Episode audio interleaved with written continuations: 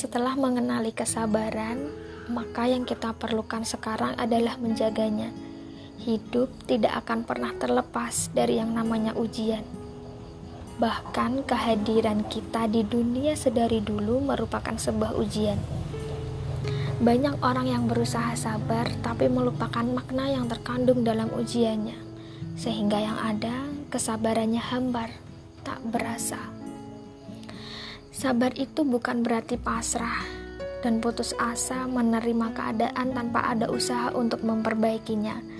Sabar itu selalu menempatkan pucuk semangat dan tekad di atas segalanya guna memperbaiki segala sesuatu yang dirasa salah.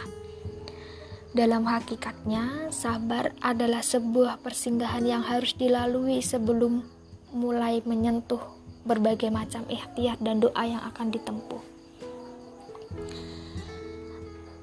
Satu hal yang perlu kita sadari ketika mulai menjaga sabar. Sabar itu memiliki banyak sudut dan sisi yang saling berhubungan antara satu dan yang lain. Di satu sisi, sabar adalah senjata terampuh dalam menjaga taat. Di sisi lain, sabar adalah perisai dalam melumpuhkan serangan maksiat. Sabar juga merupakan anak panah ketika melemparkan rangkaian ikhtiar dan usaha dalam hal apa pun. Sabar dalam taat tidaklah mudah.